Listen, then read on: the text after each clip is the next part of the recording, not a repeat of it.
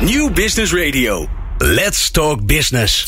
Met nu People Power met Glen van der Burg. People Power is een programma over de kracht van mensen in organisaties. Met interviews en laatste inzichten voor betere prestaties en gelukkige mensen. Deze week gaat Glen van der Burg in gesprek met... Alfred Boot, HR-directeur bij Dura Vermeer, is te gast samen met eh, Martine Bolhuis, HR-partner bij Centraal Beheer Open.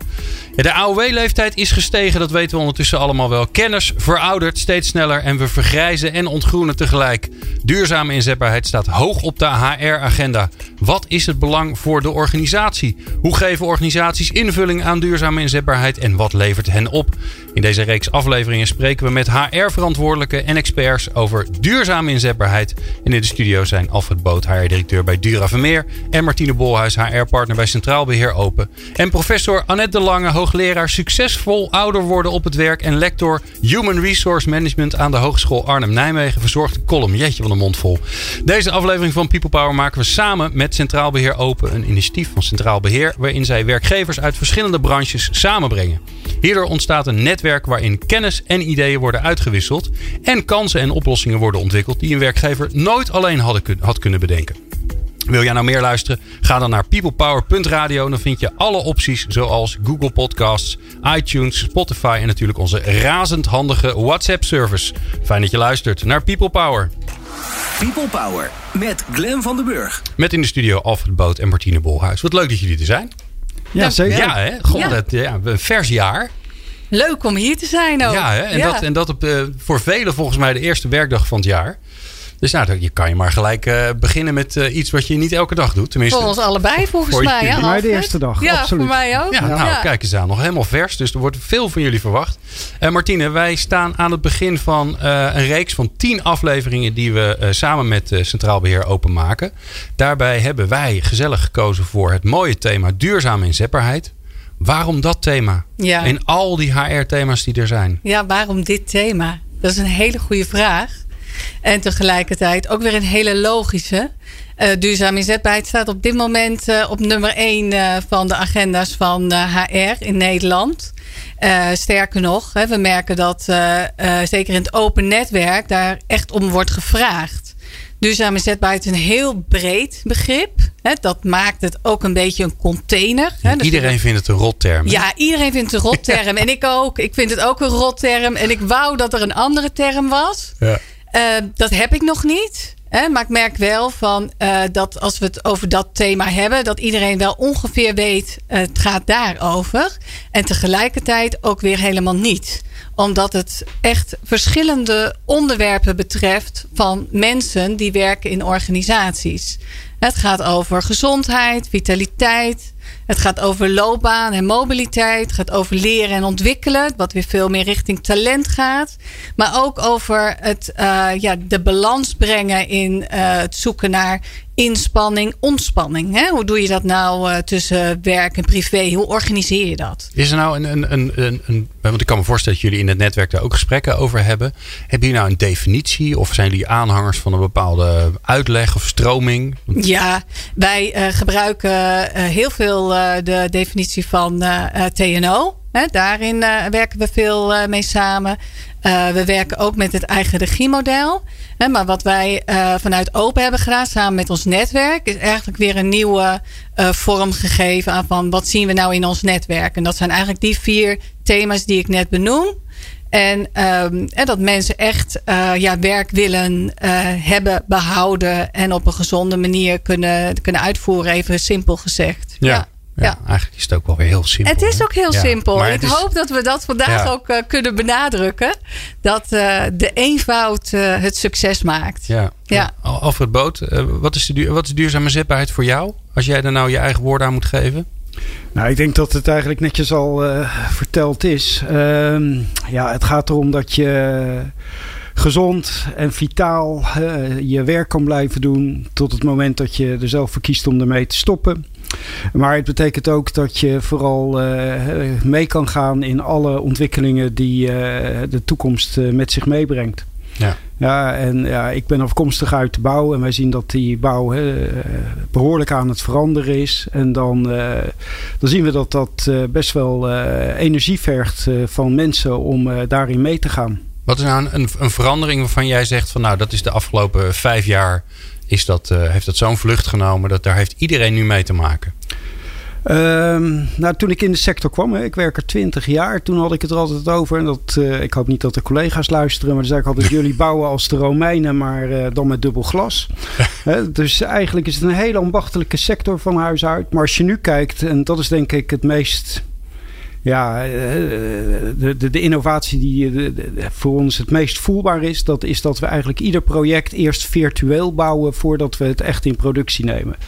Dus er is een informatiemodel en daar wordt een, eh, een bouwproject 3D gemodelleerd en dan in de tijd zie je het geleidelijk aan groeien. Maar het is niet alleen uh, eh, kat-kam-achtige situatie, maar er zit ook de begroting zit daarin, de, de, de planning zit erin, de CO2-uitstoot. En als je dan iets hm. verandert in een project, dan zie je direct al die variabelen veranderen. Dus dat vraagt een hele andere ja, aanpak, een hele andere benadering. En ook een hele andere manier met, uh, om daar met opdrachtgevers uh, om mee, om te gaan. Ja. Uh, en waarom is duurzaam inzetbaarheid? Ik kan me daar van alles bij voorstellen, maar ik ben wel benieuwd hoe jij, er, hoe jij er naar kijkt. Waarom is het zo belangrijk voor jullie?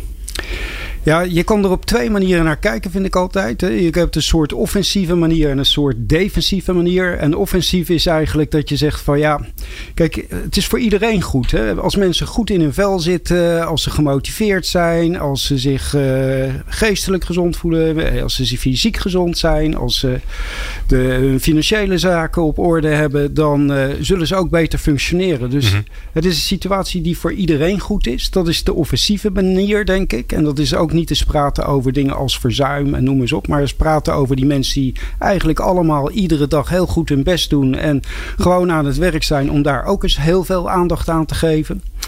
En er is ook wel een defensieve benadering. En die defensieve benadering, dat is toch dat we zien dat we met z'n allen langer doorwerken. En wij zien ook echt in onze organisatie dat mensen later stoppen met werken. Dat lag eerst zo rond de 61,5 in onze sector. En dat is inmiddels opgeschoven naar 64. En we zien ook dat we daardoor een aantal ouderdomsziekten naar binnen halen. Nou, een deel van die ziekten, ja, dat is onontkoombaar. Maar een ander deel, daar heb je zelf als medewerker invloed eh, op.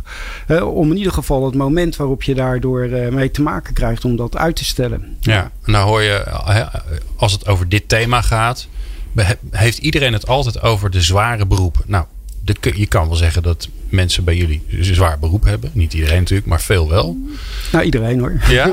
Jij ook? Ja, ja nou, HR-directeuren die staan nummer één uh, volgens mij als het gaat op werkdruk. Ik hoop dat mijn baas nu wel luistert.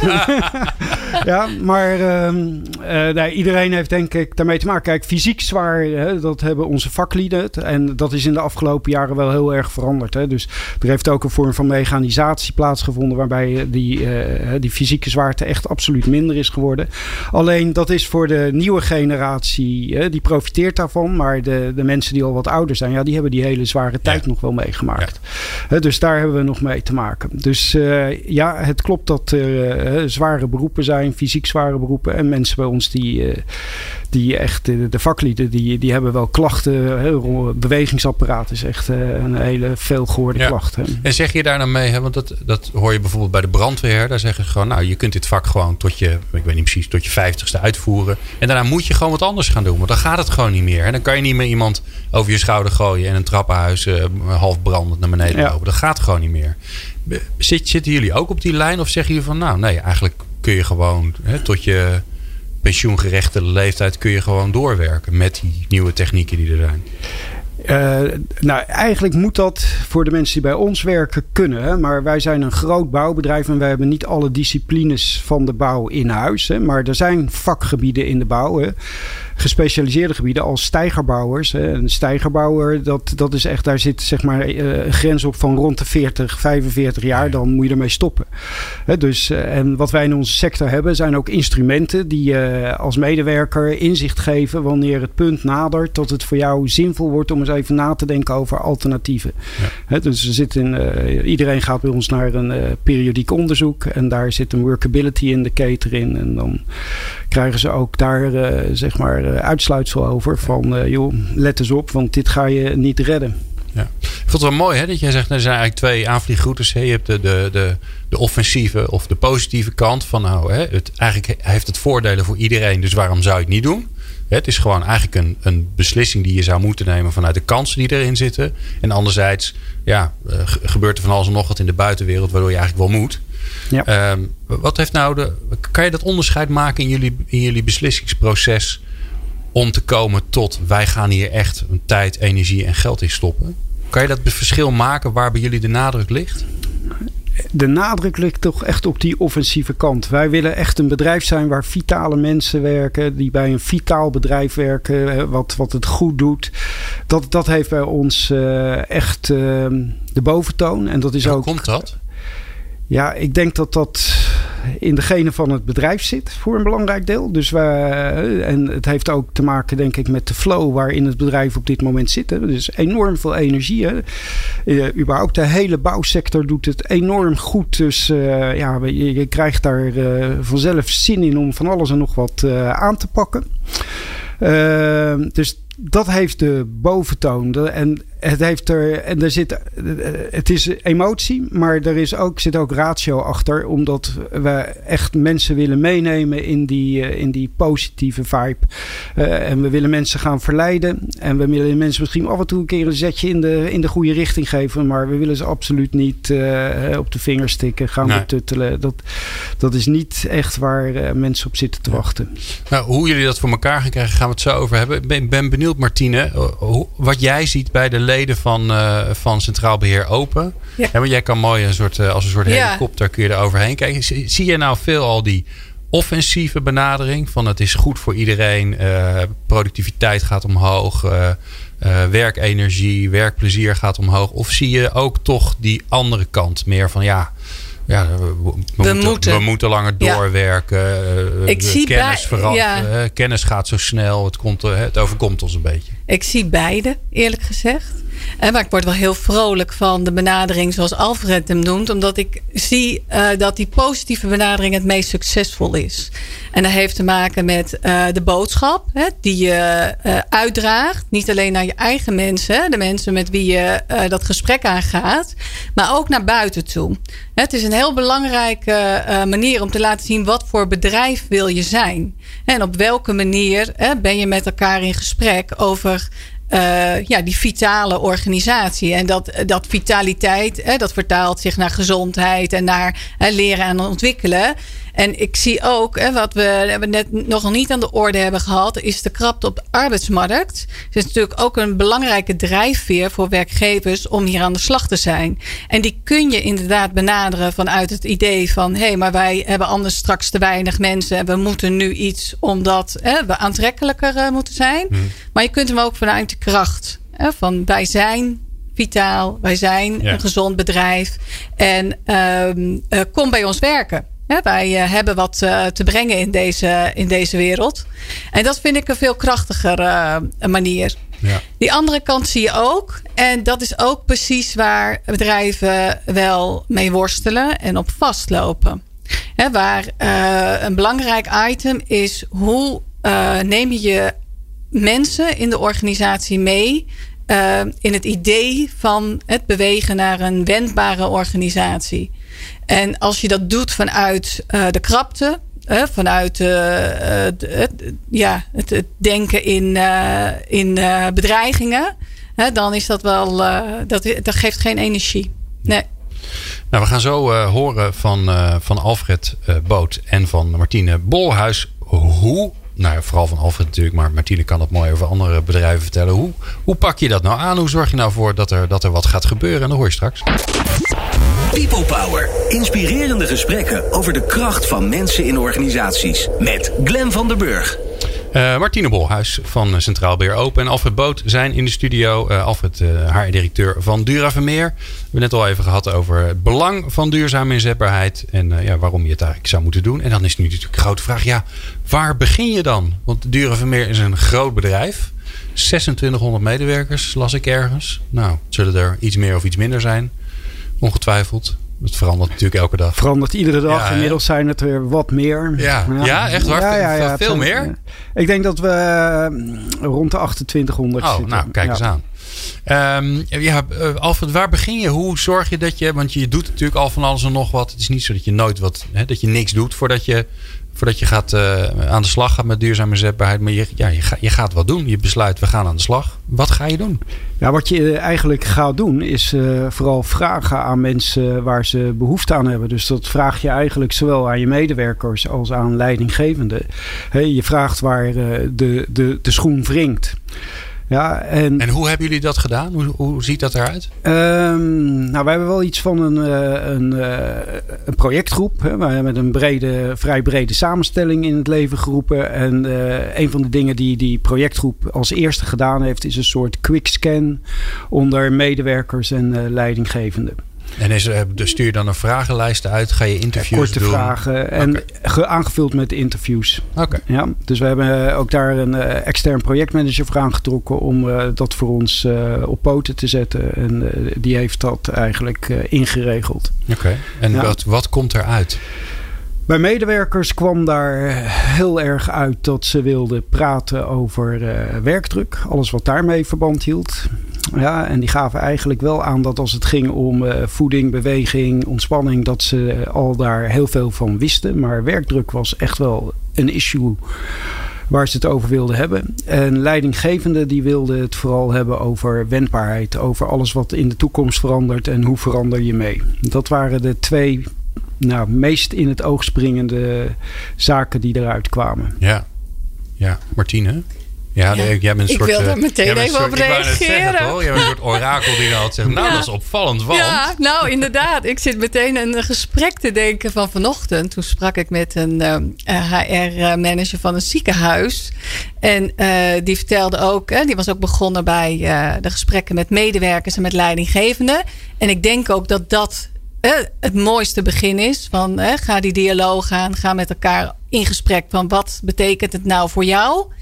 En wat zij zagen was dat het verschil groot was tussen wat medewerkers vinden en denken nodig te hebben, dan dat leidinggevenden denken te geven. En daar moest ik ook even aan denken. Van, oh ja, daar zitten dus ook altijd ja, verschillen ja. in. Dus blijf ook uh, doorvragen in wat je nodig hebt. En blijf ook doorvragen in hoe je dat nodig hebt. Dus mm -hmm. Dat vind ik wel een, uh, een ja. waardevolle. Ja. Ja, ja. En ik vind het mooi dat, je, dat jullie dat dus doen bij Dure Vermeer. Dat je het gesprek uh, voert door die organisatie heen. Ja. ja. Nou, dan weet je dat. Ja, nou, nee, maar... De ene wil wendbaarheid, de ander wil uh, iets, ja, iets aan dan moeten ze naar elkaar gaan luisteren. Dat, uh, dat, Oh. dat is de truc natuurlijk. Ja, Ja, en wat betekent inderdaad hè, de, de aandacht voor werkdruk? Hè? Wat heb je dan nodig? Hè? Ja. Of uh, hoe doe je dat? Ja. Misschien wel grappig om te vertellen. Wij hebben een onder, we doen een medewerkersbetrokkenheidsonderzoek. En dat, uh, dat doen we eigenlijk op een wat andere manier. Dat doen we niet meer met uh, enorme vragenlijsten. Maar dat doen we eigenlijk via een interactieve app. Dus we stellen een vraag en je kan direct zien als medewerker hoe je collega's daarop uh, responderen. Hebben jullie, hebben jullie die zelf laten maken of is het een... Nee, het is een bestaande app. Hoe van, heet dat eh, ding? Want je mag hier gewoon reclame Ja, oké. Het is van de Op Company en het heet uh, Op App. Maar eigenlijk is de app is maar het toeltje. Ja. Want wat erachter zit is een gedachtenwereld van, uh, ja, noem het maar uh, positieve psychologie. Je gaat vragen op een andere manier stellen aan je medewerkers. Dus er zit er wel een vraag in van heb je last van werkdruk? En dan uh, geeft 75% van onze medewerkers aan dat ze daar in meer of mindere mate last van hebben. Ja, en dan uh, als je die vraag stelt en dat antwoord krijgt, dan voel je je erg ongelukkig. Ja, en dat is nooit goed natuurlijk. Hè. Dus we hebben daar een vraag achter gezet van, uh, joh, weet je waar die werkdruk van komt? En toen gaven de meeste mensen, echt het overgrote deel, ik, percentage durf ik niet meer te noemen, maar echt heel veel gaven aan dat komt omdat mijn collega's hun afspraken niet nakomen. Oh. Dat is een hele bijzondere, Mooi. vonden wij zelf. Ja. ja. En de derde vraag was dan, en dat is dan die positieve psychologie. En wat denk je zelf eraan te kunnen doen? Nou, dat wisten ze allemaal wel. Die collega's die kwamen er niet meer mee weg. Echt waar? Ja, ja. ja. Okay. Dus in plaats van dat je alleen een probleem uh, adresseert, uh, heb je ook al een begin van een oplossingsrichting. Ja, maar dit was Overigens was de uitslag van 75% die aangaf dat ze in meer of mindere mate eh, last van werkdruk hebben. Voor ons wel een uh, issue om uh, er nog dieper in te duiken. Dus we zijn nu echt met een vrij grootschalig werkdrukonderzoek uh, bezig. Om te kijken van hoe we daar ja, toch iets aan kunnen veranderen. Ja, en dat lijkt me ook zo'n thema waarbij je uh, je ook heel goed kan afvragen. Ja, wat is het dan überhaupt? Hè? Want iedereen heeft daar natuurlijk een ander beeld bij. Dus je, het gevaar is natuurlijk dat je heel snel in de oplossing zegt: Oh, oké, dan gaan we dit doen en dat. Een huppakee programma en we gaan er wat aan doen. Maar dat is volgens mij levensgevaarlijk. Want ja, wat voor mij werkdruk is, is voor Martine en mag geen werkdruk. En andersom. Ja, klopt. Dus dat gesprek moet erover gevoerd worden. En het leuke vind ik van dat voorbeeld over die app.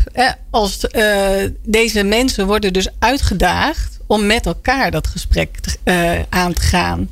En niet alleen met de leidinggevende, maar dus ook met elkaar als collega's. En vaak zit daar de crux. Want op uh, werkdruk, en ik weet niet of dat bij jullie ook zo is. Ik hoor ook wel veel um, dat uh, de krapte in de teams of het, de werkdruk aan zich, dat je meer mensen eigenlijk nodig hebt of meer capaciteit, dat dat ook een, ja, een grote belasting geeft. Nou, dat, ja, op dit moment zeker, ja. ja. Op dit moment zeker. ja. ja. Dus uh, ja, en daar, daar, daar probeer je veel aan te doen, hè, maar daar zijn de mogelijkheden uh, gewoon begrensd. Ja. Uh, dus, dus je kan die werk, werkdruk niet wegpoetsen, maar je kan wel met elkaar kijken van hoe je hem ja, hoe je er zo goed mogelijk mee om kan gaan. Ja, en die app die geeft ook vooral de mogelijkheid om ideeën te genereren. Dus je kan iedereen vragen, joh lever, heb je suggesties? Wat kunnen we daaraan doen? Ja, ja en dan krijg je heel veel suggesties. Ja, en dan hebben ze allerlei techniekjes uh, waarmee je met word clouds en dergelijke hm. kan filteren wat... Uh, wat eruit komt. Wat de uitkomsten zijn, ja. ja. Nou ja, dus, dus onderzoek, dus gesprekken, erachter komen wat mensen doen. Maar, maar wat nog meer? Wat, wat ga je doen? Ja, wat, we, wat wij gaan doen, dat is dat we eigenlijk uh, starten toch met uh, een stuk bewustwording. Daar hebben we twee instrumenten die we daarvoor inzetten. Dat zijn uh, workshops, die worden gedaan door Lifeguard. Dat is een organisatie die daar sporen op heeft verdiend. En uh, we hebben überhaupt een, een, periodiek geneeskundig onderzoek... wat gevolgd wordt door een gesprek met een, wat heet een DIA-adviseur... een duurzaam inzetbaarheidsanalyse-adviseur. Ja, ja, ja. Ja, ja, ja, maar de bedoeling is eigenlijk dus dat je uit dat onderzoek hè, en uit je workshops... dat je ja, voor jezelf een beeld krijgt... Of er dingen zijn waar je nog wat in aan kan verbeteren. Of, of waar je je beter bij gaat voelen. En ja, die dia-adviseur die moet je dan eigenlijk op de weg helpen eh, om daar uh, eventueel interventies bij te vinden. Die interventies die bieden wij dan ook aan. En eigenlijk zijn het allemaal interventies die er al waren, maar die, uh, dat waren zo'n beetje de best verborgen geheimen van Dura Vermeer. Ja, dus mensen vonden ze niet. En waarom vinden ze ze nu wel? Omdat die, omdat die dia. ja, die, we zetten er eigenlijk iets voor coaching tussen. Ja, ja, ja, Dat is het, uh, het, het verschil. Dus eerst bewustwording, dan coaching en dan uh, ja, mensen oplossingen aanreiken. En hoe vrijblijvend is het? Kunnen mensen zeggen, ah, die dia-adviseur, daar heb ik geen zin in, daar ga ik niet naartoe? Nee, we gaan alleen maar verleiden. Dan gaan we alleen maar verleiden. Niemand hoeft wat. Dus uh, je mag voor mij ook die kroket blijven eten. Uh, ja, Wel ja maar ja, is ook is ook zo. absoluut. Dat is toch veel beter dan die oliebol. Dus, ja. Dat sowieso. Ja. ja. Dat sowieso. Ja, maar... Um, Nee, we gaan mensen verleiden en we hopen met een stukje bewustwording wat op gang te brengen en dan met coaching ze eigenlijk een paar stappen verder te brengen. Dat is, uh, en dan doen we daar allerlei leuke dingen, vooral leuke dingen omheen. Hè. Dus uh, we hebben een site en daar gaan we filmpjes laten zien. Daar gaan we ideeën aanreiken. We hebben testimonials van mensen die er al wat mee te maken hebben gehad. We gaan misschien deze podcast erop zetten. Weet jij veel? Ja. Dus uh, allerlei... Mooi. Leuke ideeën. Nou, daar ben ik wel uh, straks wel benieuwd naar. Uh, want uh, allerlei dingen hebben om te zorgen dat mensen wat kunnen gaan doen is één. Maar zorgen dat ze het ook gaan doen, dat, nou ja, dat is nog wel eens een uitdaging. Tenminste, dat hoor ik vaak langskomen. maar straks gaan we eerst luisteren naar de column van professor Annette de Lange. People Power met Glen van der Burg.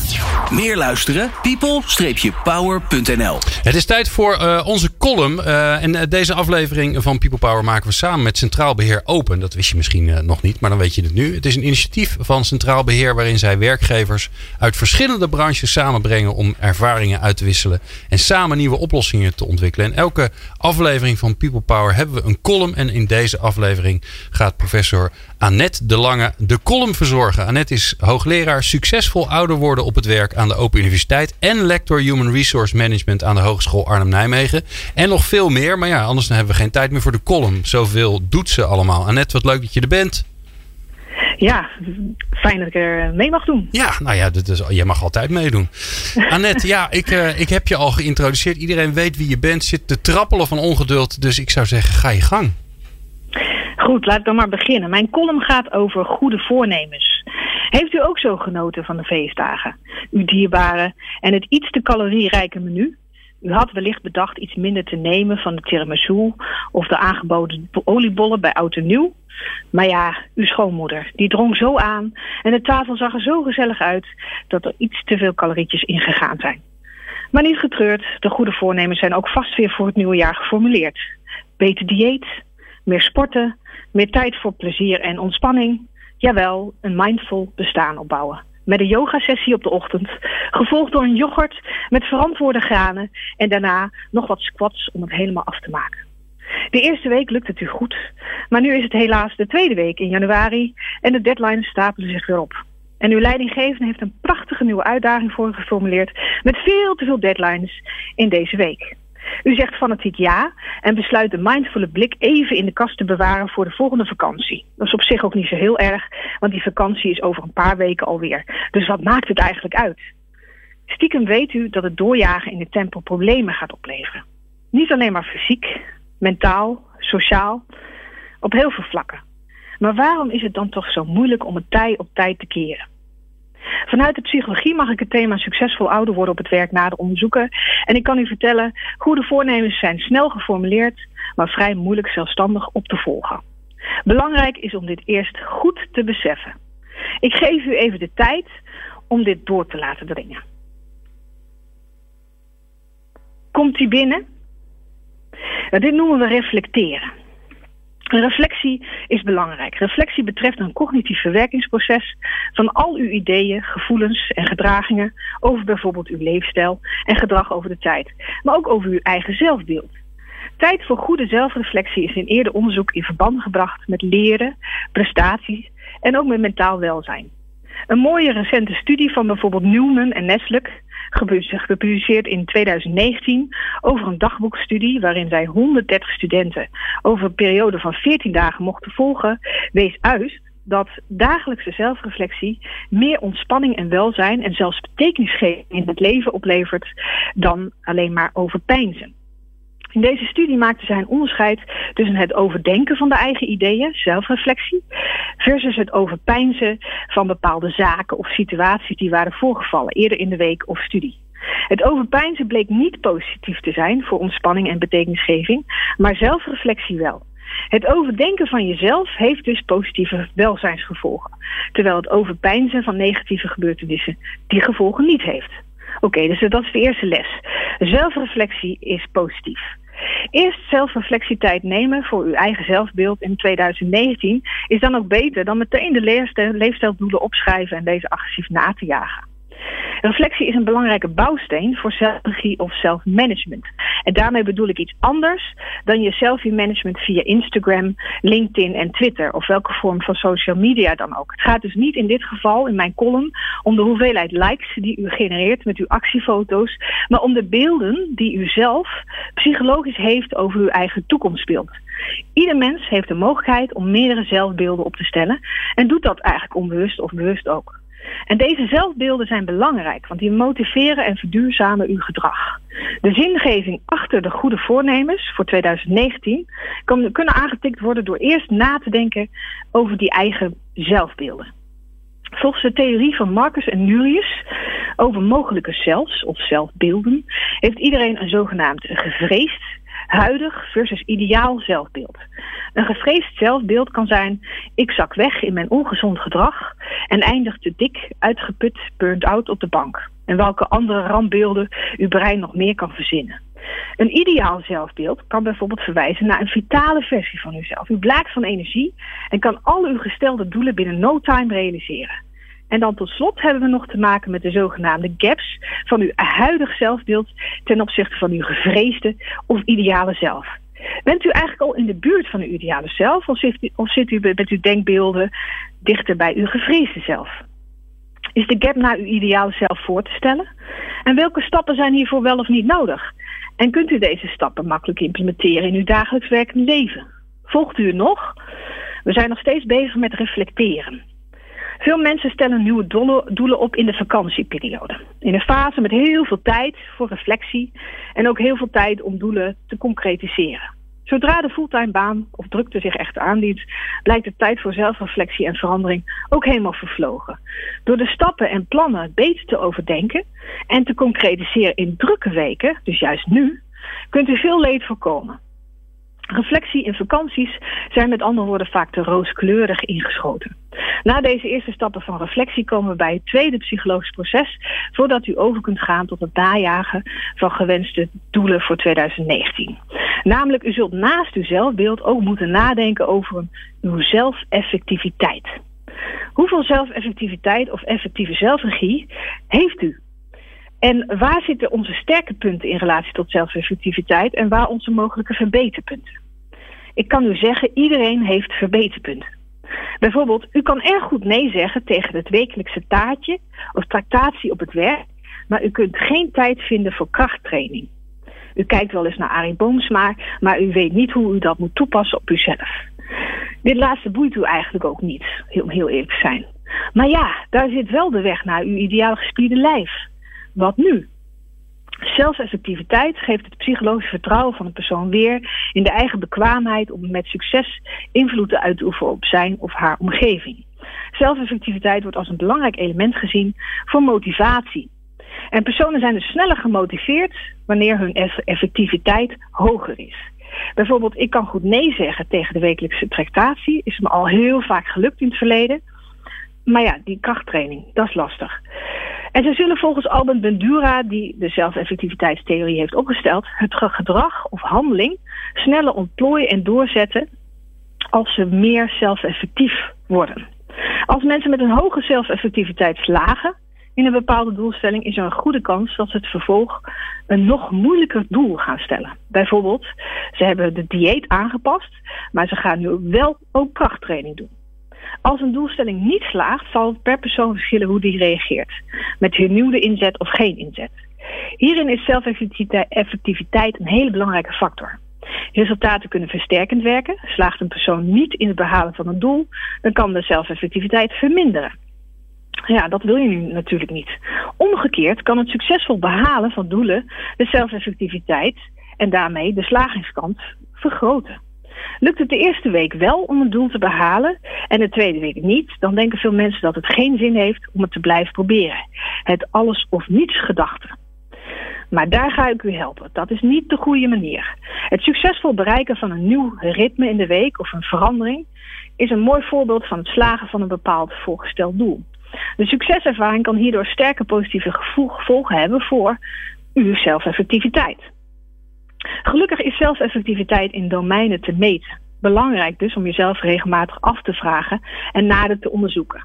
Dus in plaats van het alles of niets gedachte, kunt u beter eerst meten of u effectief bent of niet. En dat doen we veel te weinig. Het verbaast mij nog dagelijks dat we veel praten over zelfregie en zelfmanagement en allemaal andere mooie termen, maar nooit de mate van zelfeffectiviteit per medewerker meten en terugrapporteren. Hier, hierdoor ontstaat er eigenlijk dus in feite nul tijd voor zelfreflectie en leren. Scoor je niet goed op zelfeffectiviteitsmetingen, dan is coaching of externe hulp van een ander nodig om de goede doelen, voornemens te kunnen halen. En de reflectietijd nemen voor zowel het zelfbeeld, uw ideale zelf, en uw zelfeffectiviteit is dan ook echt de basis voor het formuleren van realistische voornemens op en buiten het werk. Wilt u uw zelfeffectiviteit deze week meten, dan verwijs ik u graag naar de schalen van Albert Bandura en de door ons ontwikkelde gratis app via Google Play Store. WZW Zelfregie App heet die. Samenvattend, ik kom aan het einde van de column. Tijd voor, tijd voor voldoende zelfreflectie is echt de basis voor duurzame veranderingen op en buiten het werk. Ik neem u graag mee in de volgende column in andere psychologische kennis over doelen stellen en strategieën om succesvol ouder te worden. Voor nu een duurzaam vitaal vervolg in 2019 gewenst met voldoende zelfreflectietijd. Wauw, jeetje zeg. Mooi Annette, dankjewel. En uh, leuk dat je jezelf uitnodigt voor de volgende keer. Ja, nou, uh, je bent bijzonder welkom, dus dat gaat helemaal goed komen. Tot dan. Dankjewel. People Power met Glen van der Burg. Meer luisteren? people-power.nl Alfred Boot en Martine Bolhuis in de studio. Eh, we hebben net eh, de column gehad van, uh, van Annette Lange. Ja, we moeten gaan doen aan zelfreflectie en we moeten werken aan onze zelfeffectiviteit. Martine? Ja, prachtig. Ik vond het begin ook zo herkenbaar. Ik dacht van, oh ja, ik heb vanmorgen ook het een en ander gedaan in de, de nieuwe voornemens voor het nieuwe jaar. En als je het hebt over ontspanning, tijd nemen, hè, is dat wel iets uh, wat tussen kerst en oud en nieuw heel goed gaat. Ja. Hè, en daarna weer snel uh, wegvalt. Dus uh, mooie voorbeelden. En meteen ook wel weer voor mij gedachtesprong van hoe kunnen we dat nou vormgeven vanuit werkgeverschap? En wat ik daaraan koppel is dat het voorbeeld hè, van welk gedrag wordt gewaardeerd binnen je bedrijf hè, als werkgever. Uh, wat laten leidinggevenden daarin zien? En vooral ook uh, mag het gesprek daarover gaan. En worden er vragen gesteld als: hoe is het met jou? Hoe gaat het met jou vandaag? Hoe is het thuis? Waar ik ook wel merk dat sommige werkgevers of leidinggevenden soms wat schroom hebben om deze vragen te stellen. Zo van: mag ik dat wel? Is het nog? mag het nog? Ja, in, verband met de privacywet komt er soms ook nog eens uh, naar voren. Maar waarvan ik denk, uh, ja, want het is persoonlijke interesse. Je wilt weten hoe het met mensen gaat. En deze mensen, daar werk je mee samen. En dat betekent ook uh, interesse in elkaar. ja. ja. Nou ja, en het grappige is dat, dat zoiets als dat zelfreflectie vind ik wel interessant. Hè? Want eigenlijk is het redelijk simpel. Als je gewoon één keer in dezelfde tijd, het liefst regelmatig, nadenkt over jezelf. En dan liefst ook nog een beetje daarover opschrijft. En je, je, je hebt misschien een paar vragen om je daarbij te helpen dan werkt dat heel erg goed. Dan werkt het goed voor je eigen handelingen. Die gaan ook redelijk onbewust volgens mij. Ga je dan dingen anders en beter doen. Uh, je kan er ook gelukkiger van worden. Hè? Nou, uh, Alfred, jij bent van de positieve psychologie. Nou, dan weet je ook dat, dat alleen al elke dag opschrijven welke drie dingen je dankbaar voor bent. Dat je daar gelukkiger van wordt. Hè? Ook al verandert er niks in je leven, word je toch gelukkiger. Hoe, hoe kan je daar nou als werkgever een rol in spelen? Om, om dat erin te krijgen. Want ja, dat zijn ook weer nieuwe gewoontes die je hebt. Ja, nou, ik denk dat, dat je als werkgever daar best wel het een en ander in kan betekenen. En eh, wat, wat misschien wel het meest kan helpen, is goed voorbeeldgedrag voor leidinggevenden. Als leidinggevende zelf laten zien wat uh, reflectie voor hen betekent, dan, dan, dan zal dat zeker bij jongere medewerkers aanslaan. En ja, in mijn beleving is, is inzicht, hè, dat is toch wel de basis voor verandering. Dus daar begint het allemaal. Nou word je tegenwoordig wel enorm geholpen, vind ik, door uh, de overheid. Hè. Uh, uh, we hebben natuurlijk een belang bij om wegen te bouwen. Maar die ellenlange files, die geven je zoveel ruimte voor zelfreflectie. Ja, ja nee, dus, dat is zeker waar. Ja. Dat is zeker waar. Ja, Misschien dat er nog een paar wegen bij kunnen. Ja, ongelooflijk. Ja. Nou, dus files zijn eigenlijk goed voor de zelfreflectie. Ik denk, het schrijft alleen wat lastig. Ja, maar het, uh, dat is zo. Maar ik vraag me of dat echt noodzakelijk is. Maar af en toe een, uh, even een dag uh, aan jezelf voorbij laten gaan. Kijken wat je daar zelf... dus we moeten eigenlijk een soort zelfreflectie podcast maken. Waarbij je gewoon een paar vragen krijgt. En dan een beetje een lekker muziekje. Waar je niet door afgeleid wordt. Zodat je even na kunt denken. En dan weer ja. een nieuwe vraag. Dat is eigenlijk wel een leuk idee. Ik denk dat het heel goed zou helpen, ja. ja. Nou, maar ik denk wel dat en-en is van, uh, ik zou niet zonder het gesprek op de werkvloer uh, willen. Het, uh, coaching is een hele mooie aanvulling. Hè, maar het echt dagelijks ermee bezig zijn. Dagelijks elkaar de vragen stellen. Hoe is het met je en waar ben je mee bezig? Ja. En welke dingen gaan er goed? dat heeft een belangrijke bijdrage. Ja, ja en Alfred, jij noemde het voorbeeldgedrag hè, van leidinggevenden. Ja. Hoe zorg jij er dan voor dat zij... Want in de regel is het zo dat niet iedereen dat doet. Het zou toeval zijn als bij jullie wel zo is. Dus hoe, hoe draag je daaraan bij? Ja, toch ook uh, leidinggevende bewust te maken uh, van, uh, van de rol die ze hebben en het belang van dit soort elementen. Maar stop je in, heb je een leiderschapsprogramma? Ja, we hebben wel een leiderschapsprogramma okay. wat ze naar een andere leiderschapsstijl moet brengen. Ja. ja. Maar het is misschien toch aardig om te vertellen. We hebben ooit een, een, een, een MD-leergang gehad en daarin zat een stilteweekend. Dat was het meest goedkope onderdeel van het programma. Je werd een weekend opgesloten in een klooster en zelfs tijdens de maand maaltijd in de Rafstar mocht je niet praten. En dat werd enorm hoog gewaardeerd door mensen. Het enige was, ze mochten niet praten. Het enige, ze mochten één boek meenemen. En voor de rest moesten ze met zichzelf bezig zijn. Maar ze vonden het geweldig. Maar eh, ja, dus Ja. ik was er ook helemaal verbaasd over. Zit het er nog, zit het er nog in? Nee, maar, nu, nu naar aanleiding Ja, van, eh, van deze column ga ik het toch weer eens uit de mottenbal halen. Want dat is echt, eh, ja, dat was toen echt heel erg gewaardeerd. Het interessante is natuurlijk dat je, dat je daar in zo'n stilteweekend helemaal niet stuurt. Dus je duwt niemand. Nee, ze kregen wel naartoe. twee of drie vragen mee. Hè? Oké. Dus eh, er zat wel iets van richting in. Ik durf niet meer te zeggen welke vragen, want die zullen wel over je toekomst en zo zijn Ja. gegaan. Maar ze kregen wel twee of drie vragen mee. Maar voor de rest, eh, En hoe zorg jij er nou voor? Hè? Want eh, natuurlijk is zo'n leiderschapsprogramma is hartstikke mooi. Maar ja, daar haal je mensen uit de realiteit vaak. En dan stop je ze weer terug in. En, en, en ook dan loop je tegen hetzelfde probleem aan. Dat mensen toch snel vervallen in hun oude gedrag. Ja.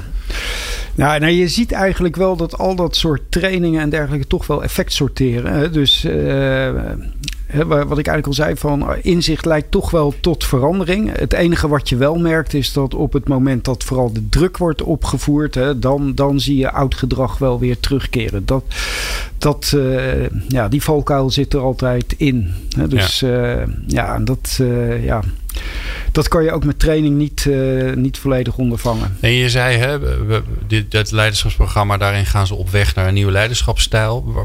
Hoe ziet die eruit? Wat voor stijl moet dat worden? Ja, wij, wij komen vanuit een situatie toch wel waarin hè, zeg maar, eh, de bouw een eh, tamelijk hiërarchisch georganiseerde bedrijfstak was. En wij een hiërarchisch georganiseerd bedrijf. En wij merken dat we steeds meer, ja, vooral young professionals naar binnen halen. Die op een andere manier willen worden aangestuurd. En als we ze op een andere manier aansturen, veel effectiever zijn. En eh, dat betekent dat onze leidinggevenden, die moeten eigenlijk... een coachende leiderschapstijl ontwikkelen, vooral voor die young professionals. Ja, alleen we zitten natuurlijk nog met een bestaande, eh, eh, wat oudere generatie die dat nog niet gewend is. Dus ze moeten daar nog in kunnen schakelen. Ja, ja, ja. En dat Oké, laatste maar je zegt dus niet is voor wel- iedereen hetzelfde. Nee, dat gaat niet werken. Nee. Nou, dat is al heel wat. Ja. Maar dat zie je toch vaak gebeuren. Ze nee, je moet allemaal naar een coachende leiderschapsstijl. En dan, ja, maar dit is niet voor iedereen goed. Nee, maar het lastige het is wel dat je natuurlijk twee stijlen naast elkaar. Ja. het, het is een breder palet, maar zeg maar twee uitersten naast elkaar moet hanteren. En dat, eh, dat is eh, niet eenvoudig. Ja. Maar ook daar begint het weer met het verschaffen van inzicht. En ook aangeven waar mensen zelf in staan. Ja. Dat laatste waar ik onze eh, luisteraars eigenlijk, eh, want dat hebben ze beloofd. En dan moet je dat nakomen, want anders dan worden ze verdrietig. En dat willen we niet. Ehm, we hebben het heel even kort gehad over ja, hoe zorg je nou dat mensen in beweging komen. Jij noemde het, eh, we hebben allerlei manieren om ze te verleiden. Heb je nou, geef eens nou één voorbeeld waarvan jij zegt van nou dat werkt bij ons hartstikke goed. Dit is wat we doen. Nou het is niet, toch niet één voorbeeld denk ik. Wij doen een aantal dingen. Het eerste wat we doen is barrières wegnemen. Dat is eh, dus zorgen dat zaken vindbaar zijn. Dat willen mensen laten zien wat het inhoudt en wat het oplevert. Ja, we proberen met testimonials van andere medewerkers die dat met succes hebben gedaan. eh, laten zien wat dat voor hen heeft betekend. Ja, en we En proberen... hoe zien die testimonials eruit? Is het een stuk papier? Is het een filmpje? Het zijn filmpjes, het, is, het zijn eh, verhaaltjes, het zijn eh, voorbeelden van mensen die bekend zijn in onze organisatie, maar absoluut eh, ja, niet uitzonderlijk zijn. Dus wij hebben best wel één of twee topsporters in onze organisatie. Hè. Nou, die- dat zijn niet de ambassadeurs die wij naar voren schuiven, hoe goed ze ook zijn voor onze beeldvorming. Maar we laten vooral mensen zien die geworsteld hebben met iets en daar uiteindelijk een weg uit eh, gevonden hebben. Ja. Dat, is, dat is wat we doen.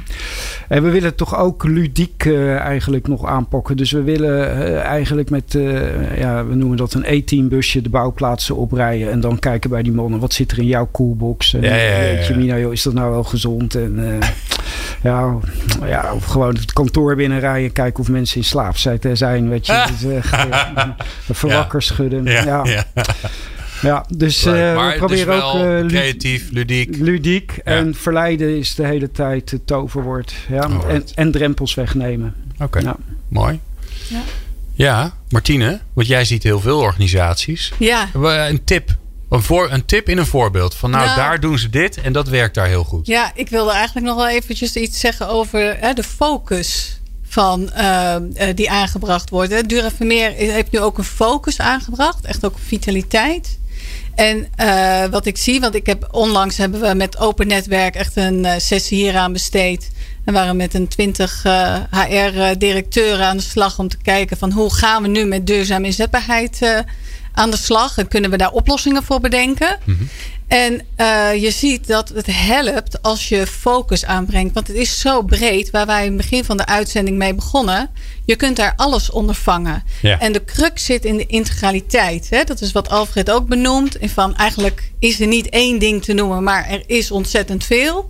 En dus het gaat over die integraliteit. Alleen wil je mensen in beweging brengen, dan helpt het om één of twee dingen te pakken waar het over gaat. Een voorbeeld uit de horeca is bijvoorbeeld het bekende sluitdrankje. Nou, dat ken je misschien als je in de horeca hebt gewerkt of je hebt uh, wat te lang aan de bar gezeten. Dan weet je dat dat, uh, ja, dat, dat is. Ja. ja. En heel gezellig. Maar dat betekent wel voor de mensen die in de horeca werken dat die iedere dag iedere werkdag afsluiten met een drankje.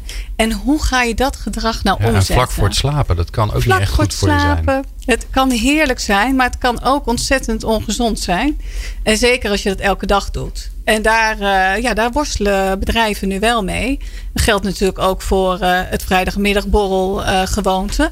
En hoe kun je dat nou veranderen? En door daar de gesprekken over te voeren met je, met je club, hè, met je mensen van wat vinden we daar eigenlijk van? Dit is een gewoonte waarvan iedereen weet dat het niet gezond is. Hoe gaan we daar nou mee om? En kun je dat nou omzetten naar andere, andere oplossingen? En Mooi. ik weet zo de oplossing niet hoor. Ik weet niet of iedereen uh, blij is met een uh, kopje thee. Maar, uh, nee, maar het gaat erom, het dat, gaat je, erom het, dat je het gesprek dat je bewust maakt. Voert. Wij zijn ja. dit aan het doen. Oh ja, dat ja. is waar, ja. ja. Ja, precies. En je kunt ook kiezen om ermee door te gaan. Ja, en mijn tip is ook, hè, bedrijven noemen ook wel eens: het is zo groot, ik krijg het niet van de grond. Begin klein. Hè? Begin met een klein experiment en maak dat groter. Ga het vertellen. Ga vertellen waar je mee bezig bent. Begin met een klein team en laat zien uh, wat er gebeurt en wat de effecten zijn. Mooi. Uh, zoals altijd is het uur weer te kort, maar misschien moet ik maar als goede voornemen uh, nemen om, uh, om dat maar niet meer te zeggen, want het is eigenlijk elke keer zo. Dus. Of we maken twee uur. Ja, ja, dat kan ook. Ja, je weet maar nooit. Nou, daar gaan wij het in ieder geval over, verder over hebben. Um, wij, uh, nou, het eerst bedanken. Alfred Boot, HR-directeur van Dura Vermeer. Dankjewel Martine Bolhuis, HR-partner bij Centraal Beheer Open. Uh, nou, volgende maand zijn we er weer met dit thema. Dat is Mooi. het leuke van een reeks. Hè? Um, wij gaan natuurlijk straks naar de volgende aflevering van People Power. En daar hebben we wel geteld twee managementgoeroes bij elkaar in één uitzending. Jeroen Buescher interviewt in People Power Change namelijk Ben Tichelaar over zijn nieuwe boek De Ladder. Nou, dat wil je natuurlijk horen. Dus blijf lekker luisteren. Meepraten of meer programma's? people-power.nl